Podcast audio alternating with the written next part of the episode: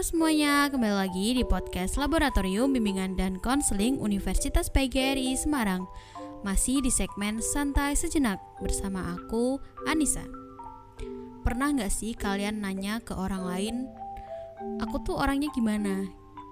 Gitu Atau misal nanya ke teman Kepribadian aku tuh kayak gimana sih?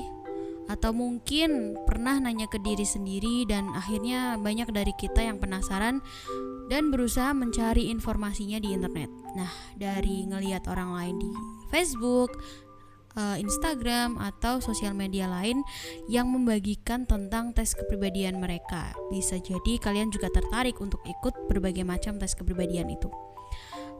Kalau kalian cari di internet pasti akan ketemu salah satu tes kepribadian yang banyak diikuti. Nah, salah satunya itu adalah tes MBTI. Nah, mungkin kalian akan bertanya-tanya, tes MBTI ini valid nggak sih? Podcast kali ini aku bakal um, bahas tentang bagaimana cara untuk mempelajari kepribadian dengan cara yang valid. Uh, dari sekian banyak tes yang ada di internet dan fakta-fakta yang populer gitu, uh, kali ini aku membahas dua mungkin ya. Dan yang pertama itu adalah uh, tentang astrologi atau zodiak. Nah, cara ini sudah cukup tua dan banyak yang menggunakan uh, cara ini. Astrologi adalah ilmu perbintangan atau rasi bintang. Biasanya di setiap zodiak itu ada salah satu atau satu hal stereotip. Misal, kalau Sagittarius itu orangnya melo tapi asik, terus Gemini orangnya nyebelin gitu. Nah, sama halnya dengan zodiak lainnya yang memiliki stereotip sendiri-sendiri. Seiring berkembangnya zaman, meskipun banyak orang yang percaya dan banyak yang nggak percaya, uh, juga banyak ilmuwan yang meragukan astrologi ini karena susah untuk diteliti. Kayak apa sih hubungan antara rasi bintang dan kepribadian? Bisa jadi nggak ada. Nah, karena susah diteliti, maka banyak yang bilang kalau astrologi ini pseudoscience atau banyaknya kepercayaan bahwa astrologi dan kepribadian itu tidak dapat diteliti secara sains. Padahal aslinya memang memang bukan sains tapi dipercaya sebagai sains. Jadi kurang valid aja menurut aku ya. Meskipun kurang valid, masih banyak orang yang percaya dengan astrologi. Kalau ditanya aku percaya atau enggak, percaya sih. Tapi ya enggak aku terapin di dunia kehidupanku juga. Cuma buat uh, acuan gitu. Nah, yang kedua ini nih yang banyak eh, teman-teman mungkin sudah pernah tes ini gitu di internet yaitu tes MBTI. Alat ukur kepribadian ini adalah alat ukur yang paling populer di dunia. Secara psikologi dan saintifik, uh, tes ini tuh nggak reliable. Kenapa? Karena tidak bisa diandalkan karena setiap bulannya bisa berubah-ubah. Misalnya awal tes hasilnya akan berubah ketika uh, tes di satu bulan kemudian gitu. Misalnya bulan ini aku ESFP gitu. Nanti bulan berikutnya aku bisa jadi INFP. Dari, ekstrovert jadi ke introvert gitu. Nah, yang uh, berikutnya uh, kalau hasil tes ini uh, jangan dijadikan acuan utama deh buat kehidupan gitu karena nggak reliable aja.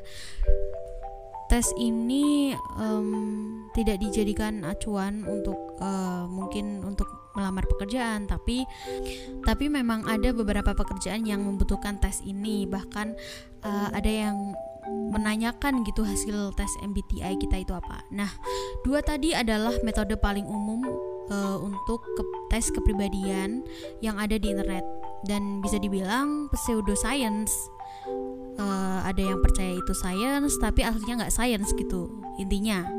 Nah uh, hal uh, dua tes tadi juga tidak terlalu valid dan reliable. Hal ini bisa dijelaskan dengan yang namanya Barnum effect. Ketika orang percaya kalau informasi tentang kepribadian itu berlaku khusus buat mereka, meskipun yang sebenarnya yang dibilang dua tes kepribadian tadi secara umum. Jadi mungkin sebenarnya fakta-faktanya INFP misal ini ini ini gitu. Orangnya pendiam gitu. Padahal itu dideskripsikan secara umum begitu. Nah berikutnya itu mungkin ada banyak masalah yang akan terjadi ketika kita mempelajari kepribadian kita hanya dari dua tes tadi. Apalagi kita tesnya tuh di internet gitu yang gratis gitu. Kita bisa saja salah memahami diri sendiri atau jadi bermasalah dengan orang lain. Misalnya nih, aku Capricorn ya, nggak cocok sama Sagittarius, soalnya sama-sama suka nutupin perasaan gitu dan kayak gayanya cool-cool gitu. Nah, otomatis uh, kalau misalnya aku percaya dan menerapkan itu dalam uh, hidup aku, aku nggak akan deketin orang yang uh, zodiaknya Sagittarius gitu dan itu kan kayak uh, merusak hubungan juga gitu nah So yang jadi pertanyaan adalah terus gimana sih cara yang benar buat mengenali kepribadian kita gitu kan? Kalian bisa tes dengan berbagai macam alat tes yang memang uh, secara saintifik banyak ilmuwan yang mendukung. Nah, salah satunya adalah yang sudah teruji dan waktu penelitian mungkin uh, kita bisa memanfaatkan tes psikologi yang disediakan oleh kampus atau lembaga psikologi yang ada di kampus. Nah, mungkin kalau ada yang mau mencoba tes MBTI yang di internet uh, boleh tapi untuk hanya bahan coba-coba gitu. Dan ketika mengetahui hasilnya bisa saja dijadikan landasan gitu tapi tidak dijadikan acuan buat uh, hidup sehari-hari gitu.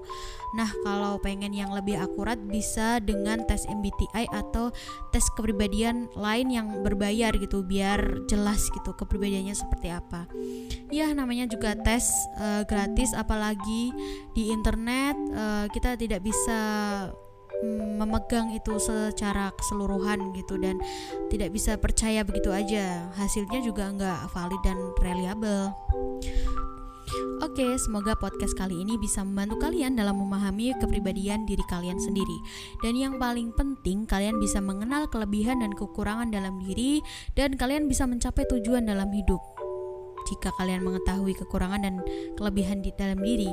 Nah, untuk kalian yang mau mungkin akan mencoba-mencoba tes-tes yang ada di internet, eh, mohon sekali untuk tidak uh, percaya 100% karena itu bisa jadi deskripsi secara umum. That's all for this episode. Thank you for listening. Have a great day everyone. Sampai jumpa di episode selanjutnya.